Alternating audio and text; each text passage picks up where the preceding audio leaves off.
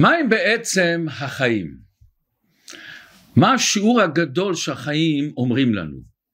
לפעמים החיים נראים לנו מאתגרים וקשים ואנחנו לפעמים עוברים המון מצבים שונים ומשונים ולפעמים באותו יום יש מצבים שגורמים לנו מצב רוח של התלהבות ושמחה ופתאום שומעים משהו פתאום המצב רוח אחר והרבה פעמים אנחנו שואלים את עצמנו מה הם בעצם החיים? מה הסוד של החיים? אז בשביל להבין קצת את החיים נזמין את עצמנו לעצור לכמה דקות לשכוח את כל הפרטים היומיומיים את הטרדות והקשיים להתרומם אל על ולהתבונן באמת מה הגדלות של החיים שלנו. לרגע אחד נשקיט את כל המחשבות נשים אותם בצד כדי שנחשוב ביחד מה קורה לנו בעצם בחיים? דלתות נסגרות ונפתחות פוגשים כל הזמן אנשים מצבים משתנים והכל בעצם תוצר של חיים אז מה באמת הסוד של החיים? דבר מעניין. לפני כמה שנים עשו באמריקה מחקר גדול מאוד לאחד עשרה קבוצות ושאלו את כל הקבוצות האלה שאתם מסתכלים על החיים אחורנית שאתם מסתכלים על מה שעשיתם על מה אתם מצטערים יותר? על השגיאות שעשיתם?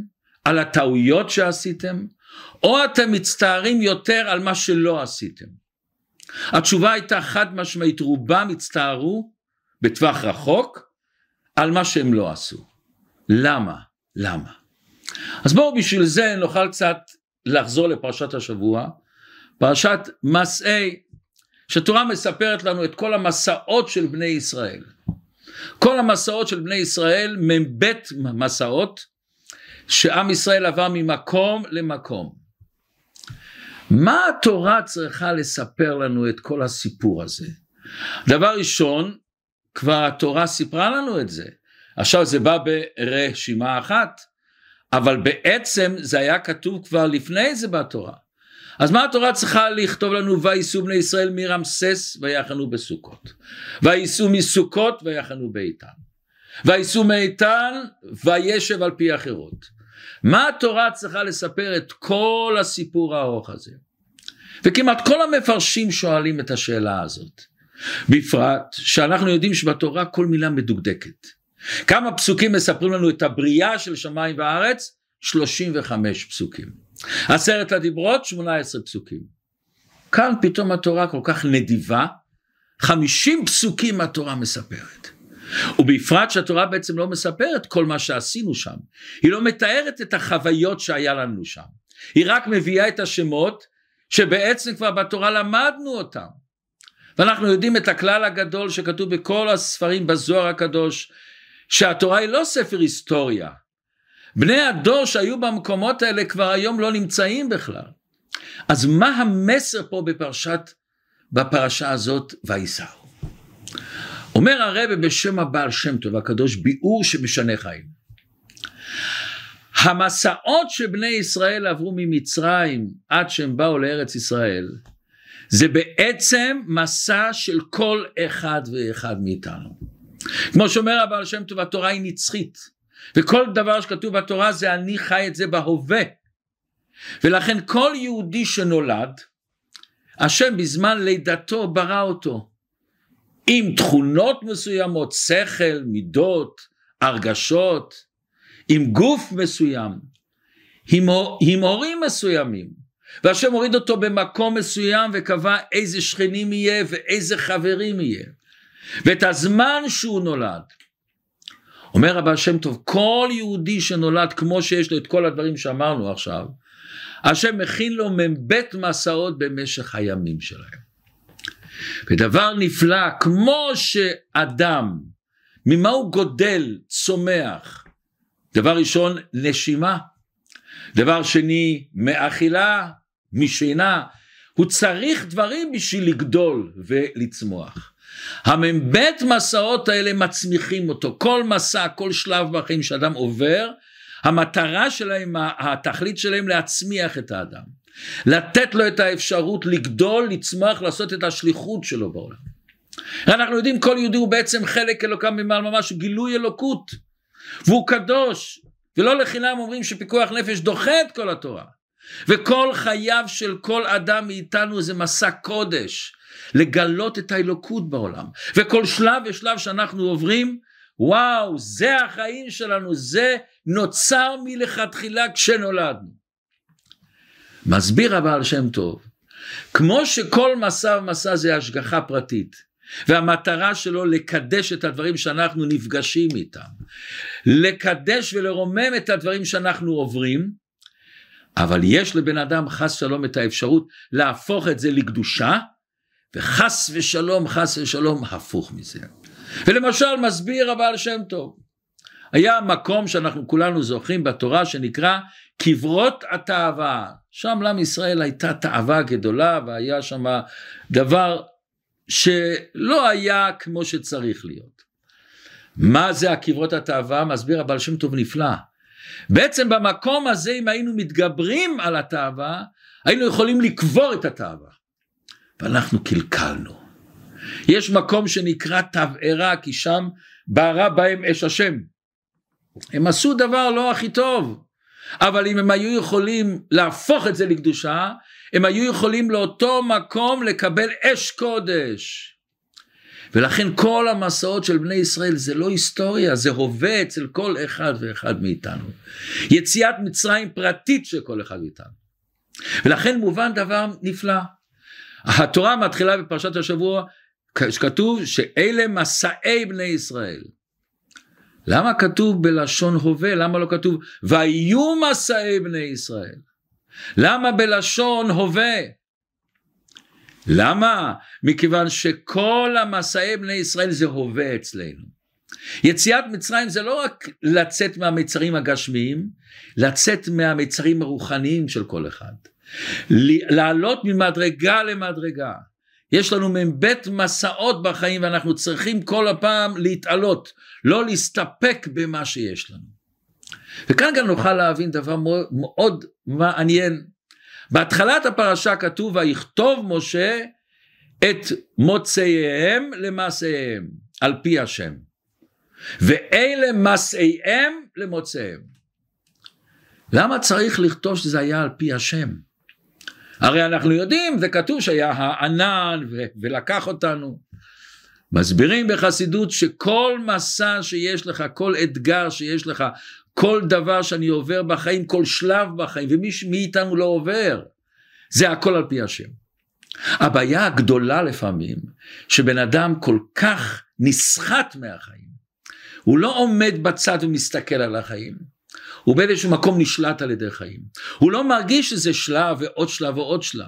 הוא לא מרגיש מה אני עושה בשלב הזה, מה אני עושה בשלב הבא. יש אנשים שהם חיים בעבר, יש אנשים שחיים בעתיד, ויש אנשים שההווה שלו מפספס את החיים שבו. וזה מה שהקדוש ברוך הוא אומר לו, תסתכל על המסעות שלך. זה בעצם שהשם קבע בעצם הבריאה והיצירה שלך. הוא, הוא נתן לך את המסעות האלה כמו שהוא נתן לך את כל הדברים האחרים, וזה גורם לנו לשנות מבט על החיים. יש אנשים שמסתכלים על החיים, מסע החיים בסין, אבל זה לא מסע החיים, זה מסע של חיים. זה מסע שאני שם את המבט שלי על החיים אחרת. לשים את החיים במסגרת אחרת. לעמוד קצת מהצד של החיים ולהסתכל כמו שהם מרחוק, מה קורה איתי עכשיו? מה זה בא לעשות איתי? מה זה בא לתת לי? מה זה בא להגדיל אותי? איך אני צריך לחיות את החיים במצב הזה? יש סיפור מעניין מאוד. באחד הפוגרומים הייתה בעיר ברודה, פרצה שרפה גדולה. והיה שם ילד שנקרא חיים, שאחרי זה כולנו מכירים אותו בשם רב חיים מצאנז, הרבי הראשון של חסידות צאנז. והבית של רב מוישה לייב נשרף. אז אומר הצדיק לאותו ילד, מה ראית בשרפה? תשמעו ילד, ראו כבר בו את הסימני גדלות שלו. אומר, ראיתי שבצד אחד עמדו יהודים וניסו לכבות את השרפה. בצד שני, השם ישמור, עמדו גויים, היה פוגרום, וניסו להצית ואז שאלתי את עצמי, למה מת, מתייגעים היהודים כל כך לכבות את השרפה? לא היה יותר טוב מותר לגרש את הגויים? שלא תהיה בכלל יותר שרפות. אנחנו צריכים לגרש את הגויים מהחיים שלנו. לגרש את המבט של הגוי, את הגוי אשר בקרבך, את המבט של הגוי. לגרש אותו מהחיים שלנו. לגרש את כל המחשבות שמחלישות אותנו. את כל המחשבות שאני מרגיש שהחיים לפעמים ריקים. את כל המחשבות שאני חושב איך אני מנצל את החיים. איך אני חי, אני לא מרגיש שיש חיים ואני צריך לנצל אותם. אז אני מנסה למלא את החיים. אנחנו צריכים להרגיש ולחיות עם ההרגשה שאנחנו במסע נפלא של חיים. אנחנו באתגר של חיים שאנחנו עומדים על ידו ומשתמשים איתו וצומחים איתו. וזה מה שאומרת לנו התורה, אלה מסעי בני ישראל אשר יצאו מארץ מצרים, לפתוח לנו את המחשבה שאנחנו חלק ממשימה שאינה נגמרת. כל החיים זה מטרה נמשכת לפרוץ את המצרים שלנו, לפרוץ את ההגבלות שלנו, להביא את הקדוש ברוך הוא בכל נקודה ונקודה שהיא אפשרית. שינוי לא יבוא אם אנחנו נחכה לאדם אחר, או לזמן אחר, או למקום אחר. אנחנו אותו האדם שחיכינו לו שיבוא לשנות אותנו. אנחנו אותו האנשים שיש לנו את הכוח להשתנות. והמילים הקדושות האלה, אלה מסעי, זה צריך לצלצל לנו בראש, תגדל, תצמח, אל תנוח, תחתור קדימה. זה אחת הדרישות המאתגרות של היהדות, תגד... תצמיח את עצמך, תנצל את השליחות שלך, תנצל את מה שאתה באמת יכול. למה? זה באמת החיים שלך, זה באמת הדבר הנפלא. הצעקה היחידה שאנחנו צריכים לשמוע, האם עשית היום משהו שעוד לא עשית היום? האם עשית משהו שצמחת מזה, שגדלת מזה? האם דיברת היום עם הנשמה שלך, עם העוצמה שלך, להגדיל אותה? זה המסעות שלנו. המסעות שלנו הם לא כדי שנברח מהחיים, אלא שהחיים לא יברחו מאיתנו. ומעניין, במסעות של בני ישראל היו פעמים שהם חזרו אחורנית. זה גם מלמד אותנו עוד דבר נפלא, שגם אם לפעמים אנחנו נופלים והולכים אחורנית, זה חלק מהתהליך. אנחנו לומדים מהכישלונות, אנחנו צומחים מהכישלונות. יש כזאת אה, בדיחה, שמישהו אחד הולך לאכול במסעדה, פוגש מלצר ואומר לו, אם תשרת אותי טוב טוב, אתן לך טיפ. אבל טיפ שיהיה חבל על הזמן. טוב, המלצר כמובן עושה את המקסימום שלו, ובסוף הוא מגיש את החשבון, והוא נותן לו את הכסף בלי טיפ. אומר לו, איפה הטיפ? אומר לו, הטיפ הוא, אל תאמין לכל מה שאומרים לך. זה בדיחה, אבל יש בזה משהו. לא להאמין למה שהעולם הנורמלי שקוראים לו, אומרים שאתה סתם חי לשרוף את החיים. וגם אם אנחנו נופלים לא קרה שום דבר. אנחנו מכירים שאריות שהם רוצים לטרוף, לפי הסטטיסטיקה, הם רק מצליחים 30 אחוז פעמים לטרוף. רוב רובם של הזרעים שאנחנו מצמיחים באדמה, רוב רובם לא צומחים בכלל לעצים, לעצים חדשים. רוב הפעמים לא נולדים אנשים חדשים. למה? שאתה צריך תמיד ללמוד את המסר, אתה מספיק חזק בכדי להמשיך ולא לוותר. בשם רב נחמן מפרסלב אומרים, אם אתה מאמין שאפשר לקלקל, כל אחד יודע שאפשר לקלקל, תאמין שאפשר לתקן. למה? מה זה קשור? מכיוון ששורש התיקון נמצא בקלקול. למה השם נתן את האפשרות לקלקל לרדת? רק מכיוון שבזה אתה יכול לגדול, בזה אתה יכול לתקן, בזה אתה יכול לצמוח. היה מצביא אמריקאי בזמן מלחמת העולם השנייה, טאגלס, שפעם אחת הוא אמר לצבא שלו לסוג. אחד החיילים צועק לסוג, לסוג, איך לסוג, אנחנו לא נוזגים, אנחנו מנצחים. אומר לא, לא, לא, לא, אנחנו מתקדמים בצורה אחרת. וזה הנפילות. מישהו אמר לי, בן אדם, אה, בן אדם עשיר, אומר, נסעתי בעולם, הייתי משוגע על ספורט. הייתי משוגע על כל מיני תמונות יפות, נופים יפים. ופתאום תפסתי את עצמי והחלטתי אני רוצה להתאפס. להתחיל לחשוב מי אני, מה אני בוחר, מה החיים שלי, מה אני משאיר בחיים שלי. לקחתי שעון, יש לי שעון מאוד יקר עם טופר, ובדקתי לעצמי כמה זמן ביום אני משקיע בדברים שלא מקדמים אותי, שלא מצמיחים אותי, כמה זמן אני מבזבז על קשרים שליליים, על ריבות למיניהם, או על בהייה בפייסבוק, וכל מיני דברים שסתם אני זורק את הזמן. ועשיתי סך הכל וגיליתי שוק. כמה חיים שלמים אני מבזבז על דבר שלא מצמיח אותי, שלא עושה לי שום דבר. אנחנו צריכים להיות קמצנים גדולים בזמן, להיות קנאים גדולים על הזמן שלנו, לפחות כמו שאני חוסך כסף שלנו. ולא להתבייש למחוק מהלו"ז שלנו פעילות שהיא לא מטיבה איתנו, שהיא לא עושה אותנו שאנחנו עושים את השליחות שלנו.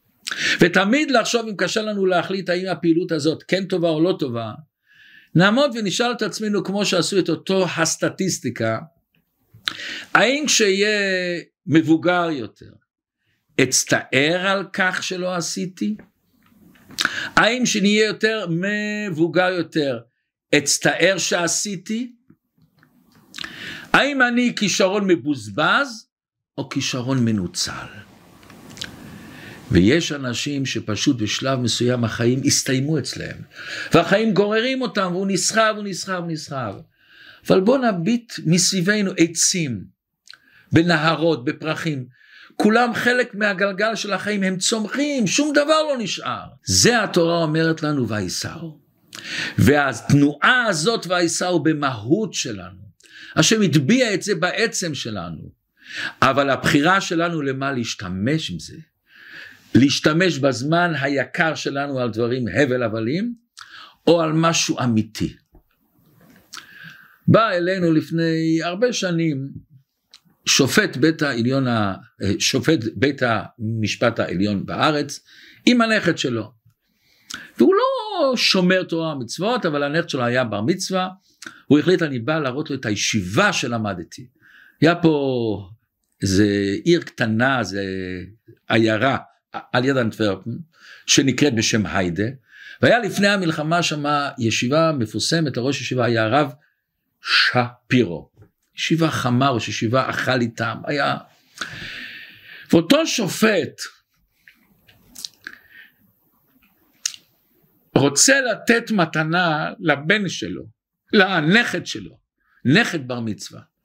והוא הולך להראות לו את הישיבה בהיידה, הלך להביא אותו, היום כבר אין ישיבה שם, יש בית. אבל הוא מרגיש הבית הזה חי. הוא מרגיש פה הייתי חי, היום אני כבר לא חי. והוא רוצה להעביר לנכד שלו את המסר הזה. לכן במחקר שאמרנו לפני זה אנשים שאלו את עצמם דווקא מה אני מצטער שלא עשיתי. וכל הזמן אנחנו צריכים לגדול. יש סיפור מעניין מאוד. קבוצה של סטודנטים נכנסו לרבה. והרבה דיבר והיו סטודנטים מוכשרים מאוד.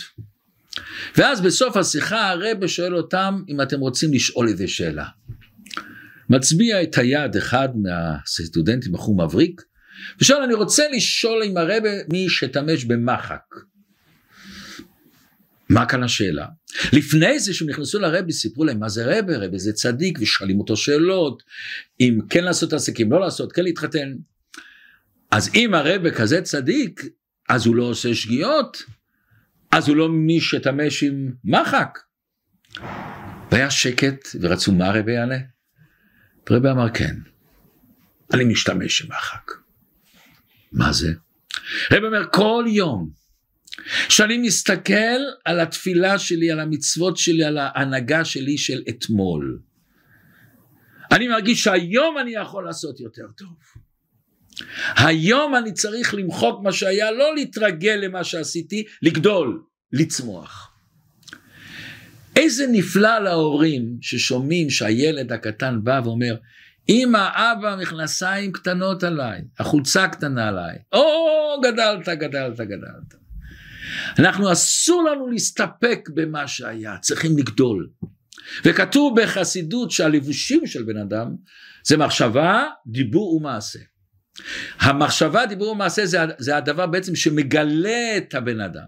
בלי מחשבה, דיבור ומעשה לא היינו יכולים לגלות את עצמנו לאחרים וגם לעצמנו לא יכולים לגלות. אני מתגלה מי אני על ידי המחשבות שלי. מחשבה, דיבור ומעשה. אני צריך להרגיש שהמחשבה, דיבור ומעשה פתאום נהיים קטנים עליי, זה לא מתאים לי. זה לא מה שאני, להרגיש שגדלתי, האם אני מרגיש את זה? האם כמו שאני מרגיש שהבגדים קטנים עליי, גם מחשבה, דיבור ומעשה קטנים עליי, אני צריך לשנות משהו. וכאן מעניין, שהרב מסביר דבר מאוד מעניין. הכהן גדול נכנס לקודש הקודשים עם בגדי לבן. וכאשר הוא יוצא אחרי עבודתו, כתוב שהוא פשט את בגדיו, והבגדים האלה נגנזים. הוא לא ישתמש איתם לשנה הבאה. לשנה הבאה עשו לו בגדים חדשים. שואל הרבי למה? למה לא, זה סתם בעל תשחית, למה? אומר הרבי מה פה המסר? המסר מה שהתאים לך בשנה שעברה לא מתאים לך לשנה הזאת הבאה. בשנה הבאה גדלת, התבגרת, למדת דברים חדשים, צמחת, השתנית. המחשבה, דיבור ומעשה שלך, הבגדים שלבשת בשנה שעברה כבר צריכים להרגיש שזה קטן עליך. וכל החיים זה מסע. וכל החיים אני צריך לדעת שזה שלמות אחת. תראו דבר מעניין, בספירת עומר אנחנו אומרים נגיד, היום עשרים יום לעומר, היום שלושים יום לעומר. למה לא אומרים היום הוא היום העשרים? מכיוון שכל ספירת העומר זה מציאות אחת. כל החיים שלנו זה מציאות אחת. וההצטברות של החיים שלנו זה יוצר את העולם. זה יוצר את האדם. זה כמו ספר, זה ספר תולדות אדם, כל אדם הוא ספר בסך הכל. וכל אחד מאיתנו יכול לכתוב על עצמו ספר נפלא. אנחנו צריכים להרגיש את המסע של החיים. להרגיש האם ההשפעות הרוחניות אצלנו ממשיכות אצלנו, צומחות אצלנו, גודלות אצלנו. תראו דבר נפלא, אחרי שאברהם אבינו רצה לשחוט את יצחק, ואז הקדוש ברוך הוא אומר לו שהוא לא ישחוט. וישא אברהם את עיניו, הוא מסתכל שמאלה, ימינה, אחורה, קדימה. למה? למה פתאום הוא מחפש את העיל להקריב אותו? למה? הוא, הוא וישא את עיניו, ואז הוא ראה את העיל. אבל מה הוא, על מה הוא נשא את עיניו? הוא הרגיש שהוא צמח והוא גדל. האור הגדול של העקידה הרים אותו. אז רגע, רגע, רגע, מה אני משתמש עם זה, איזה כלי אני מוריד את זה, איך אני מוריד את העוצמה הזאת. מה יש בתוכי שאני נותן את זה לעולם, שאני שם משמעות אחרת לעולם. זה הדבר המאתגר שבחיים שלנו, לגדול, לצמוח. יש ספר מעניין מאוד, ספר שבטי י"ק של התלמיד של הרמח"ל, רבי משה דוד ואלי. והוא כותב ככה, למה בתורה כתוב ויכתוב משה את מוצאיהם למעשיהם על פי השם? למה הקדוש ברוך הוא צריך להגיד למשה לכתוב? ויכתוב משה. מה הציווי פה? ומה ההגדרה הזאת את מוצאיהם למעשיהם? אז הוא מסביר, מה ציים זה כמו שהדברים בשורשם, במקור. כל בן אדם שבא לעולם הזה, כמו שהסברנו, המוצא שלו מלמעלה, יש לו את השליחות שלו, את החיים שלו, את כל המ"ב מסעות שלו. זה המוצא שלו. השליחות שלו, שבמסע שאתה יורד לעולם הזה, אתה עושה את התועלת הזאת, אתה עושה את השליחות שלך. זה מה שקדוש ברוך הוא למוצאיהם למעשה שהמסע היה כמו המוצא. ואחר כך כתוב, מיד אחרי זה כתוב, עוד פסוק, ואלה מסעיהם למוצאיהם. מה זה הפשט פה? זה הנקודה, שהמסע זיכך את המוצא. שמה שעשית לפה למטה, זיכך למעלה.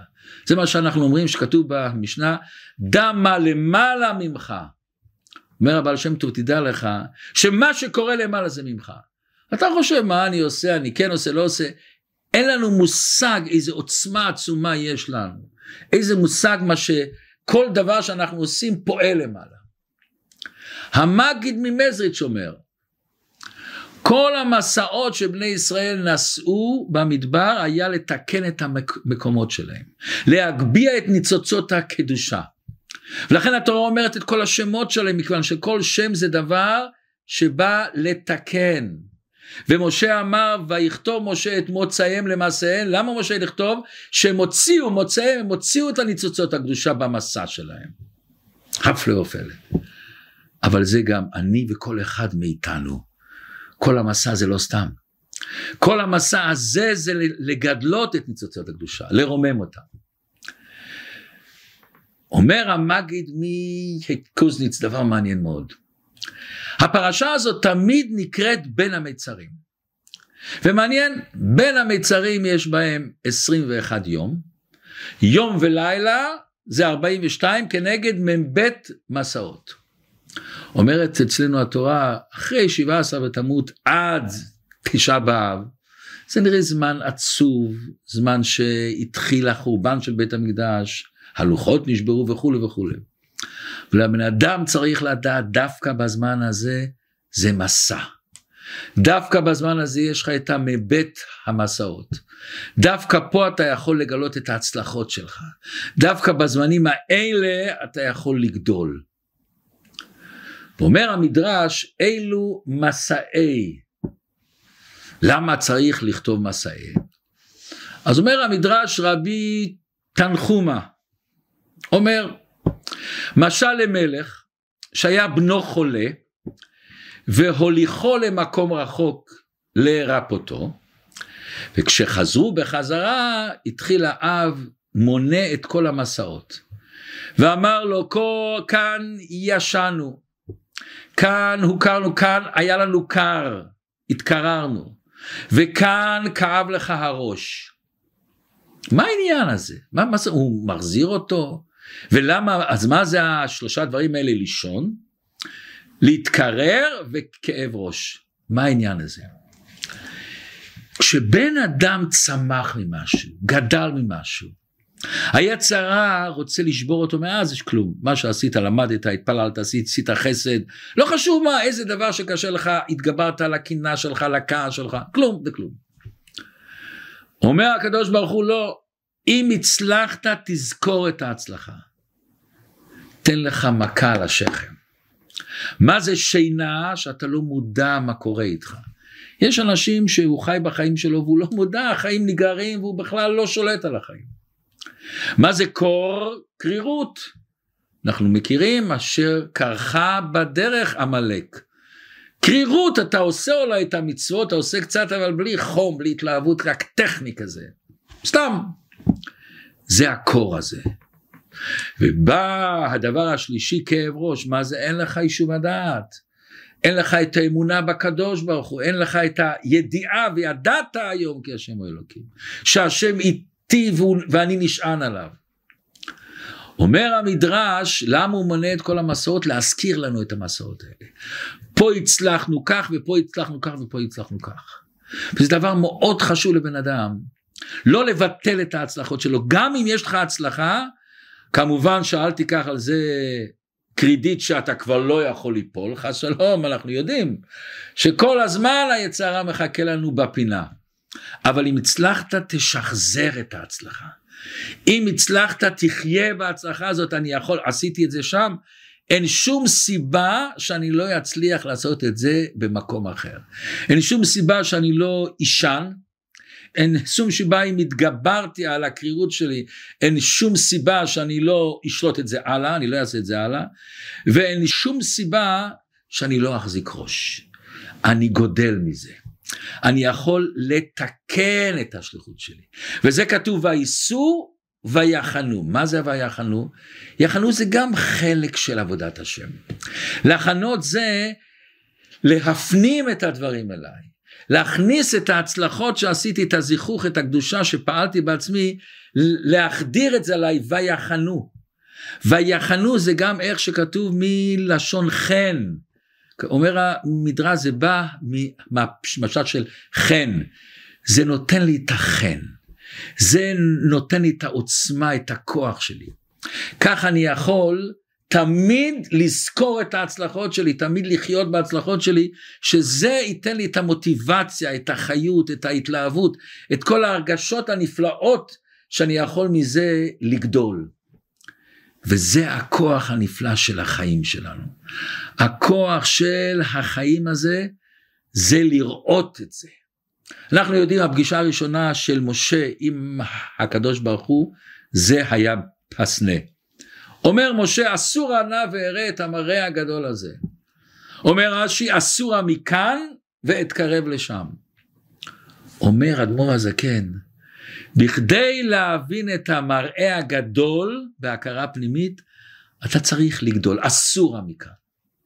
מתי אתה יכול לגדול? שאתה נוסע ממקום אחר. מתי אתה מרגיש שאתה יכול יותר, שיש בך יותר. ובכל מצב אתה שומע את הקול של הקדוש ברוך הוא, וייסעו. יש סיפור נחמד מאוד. היה פעם בן אדם שלמד את קוד מורס. זה כזה קוד שבאוניות עושים כל מיני דרכים, פעם השתמשו בזה מאוד הרבה. להעביר אינפורמציות, להעביר אינפורמציות על ידי קוד מסוים. אוקיי, ופעם אחת הוא כבר הפסיק אה, בצבא להיות, ואז הוא הלך לחפש עבודה, אז הוא בא לאיזה מקום שהיו צריכים מפקד על כל האלה שעוסקים באותו קוד, בכל האוניות, אז הוא הציג מו, מועמדות. והוא בא, החדר מלא אנשים שכל אחד מחכה לתור שלו. ורואים שאף אחד עוד לא נכנס, הדלת עוד לא נפתחה, המזכירה עוד לא מכניסה אנשים, וברקע יש ניגון. ואותו בחורצ'יק שומע את הניגון הזה, קם, פותח את הדלת. פותח את הדלת, נכנס, היה קצת זמן, יוצא החוצה, ואז המזכירה אומרת, אנחנו מצטערים, קיבלנו אותו. מה זאת אומרת? לא בדקתם אותנו? לא, לא, קיבלנו אותו. אבל לא בחנתם אותנו, לא דיברתם אותנו, בחנו איך בחנתם? בתוך המנגינה שהייתה ברקע, היה צלילים של אותו קוד מורס. היה צלילים של זה. והוא, מכיוון שהוא היה כל כך חי בקוד הזה, הוא שמע, הם הקשיבו את הניגון, את השיר, את הצלילים. הוא מכיוון שהוא היה כל כך, כל כך דבוק, כל כך היה חי בזה, שהוא שמע. ומה אמרו באותו קוד הזה בתוך המנגינה? אל תחכה לתור, תיכנס לחדר. אנחנו צריכים לשמוע את הקוד הזה. את הקוד הזה שכל רגע שאני חי, מה החיים, הזה, מה החיים האלה אומרים לי. ורבי אמר כל הזמן, כל רגע שבן אדם חי, מה הוא אומר? תיסע, תיצור משהו בחיים, תתרומם, תהיה גדול מזה. מסביר אדמו"ר הזקן שגם זה שהם חנו, זה לא היה מצב שבן אדם גמר את המסע. זה היה שלב לפני המסע שאחריו. אתה מפנים, אתה קולט את זה, אתה מחדיר דברך את זה ואז אתה צומח הלאה. ולכן תראו, רוב הזמן בני ישראל היו בחניות, לא במסעות בכלל. למה התורה אומרת אלה מסעי בני ישראל? כמו שהתורה אומרת החניות זה בעצם להפנים, אבל זה חלק מהמסע, זה חלק מהצמיחה שלך. הוא אומר ספר דגל מחנה אפרים, ספר חסידי מפורסם. שהוא אומר עוד משהו על פי עבודת השם. מה זה על פי השם ייסעו ועל פי השם יחנו? אז הוא אומר, לנסוע אתה עולה, לחנות באיזשהו מקום אתה עוצר, וזה גם לפעמים שאתה נופל במדרגה. תדע לך, גם שאנחנו לפעמים נופלים מהמדרגה, זה על פי השם. השם לפעמים מניח אותך, מרחיק את עצמו ממך בכדי שתתרגל לעבוד לבד. כמו שילד קטן שאני מלמד אותו ללכת, איך אני מלמד אותו ללכת? אני עוזב אותו והוא עושה את הפסיעה הראשונה והוא נופל תמיד. אין ילד שעושה שני פסיעות ביחד. אבל זה חלק מהלימוד שלו, איך ללכת. אומר המדרש, כשבני ישראל הלכו, היו צריכים לתקוע בחצוצרות. וזה עשו מתי השתמשו בזה? רק בזמן שאתה מלך. אוקיי. כתוב שהחצוצרות שהיו במקדש, הם נגנזו. לא לקחו אותם, לא ביטלו אותם, נגנזו. אומר המדרש למה? למה הם נגנזו? לא היה צריך אותם למסעות, אז למה לא הוציאו אותם בכלל? אומר השפת אמת, כל דבר שנגנז יש לו משמעות לדורות. גנזו אותם שבן אדם צריך תמיד לשמוע את החצוצרות האלה שבמדבר. את החצוצרות האלה. שבני ישראל איתם הם נסעו, וזה דבר נצחי כמו שאומר הבעל שם טוב. וכל אחד צריך לשמוע את זה כל הזמן. תיסע. יש סיפור מצחיק, אבל סיפור בעצם שמקשיבים טוב עם הלב, כמה עומק יש בזה. יהודי חסידי אחד שהשם שלו היה רב נוחם. פוגש בבית כנסת עוד חבר שלו רב נוטה. אומר לו רב נוטה, אומר רב נוחם לרב נוטה אתה יודע היום שמעתי בת קול. בת קול מן השמיים. מה אתה רציני? הוא, הוא הכיר אותו בתור אדם רציני מה, מה הוא אומר לו? אומר לו כן. מה? הוא אומר כשקמתי היום בבוקר שמעתי בת קול מן השמיים נוחם נוחם צא לחפש את הנעליים של אשתך.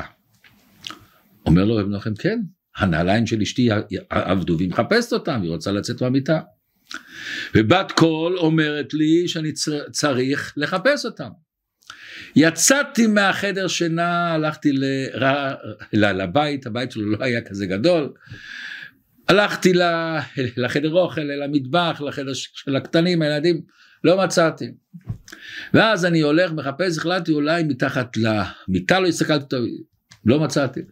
בסוף, בסוף, בסוף בפרוזדור מצאתי את זה מתחת לארון. וברגע שאני מציץ מתחת לארון אני שומע בת קול נוחם נוחם הגיע הזמן להפסיק את החיפושים הנעליים נמצאו. זה חיוך. אבל מה הוא רצה להגיד פה רב נוחם? רב נוחם היה מאוד רציני. כשאני רואה שהנעליים של אשתי נאבדו, מה אני צריך לשמוע? וייסעו.